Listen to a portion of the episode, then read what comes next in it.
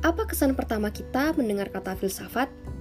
Hmm, pasti sebagian besar dari kita menjawab filsafat itu adalah suatu topik yang sulit dan berat.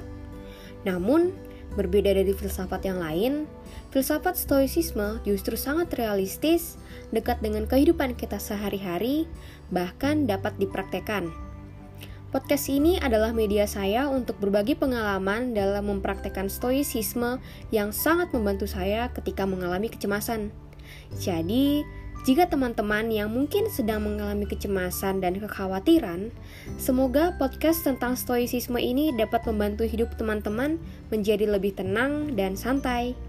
Selamat mendengarkan Stoicast ID.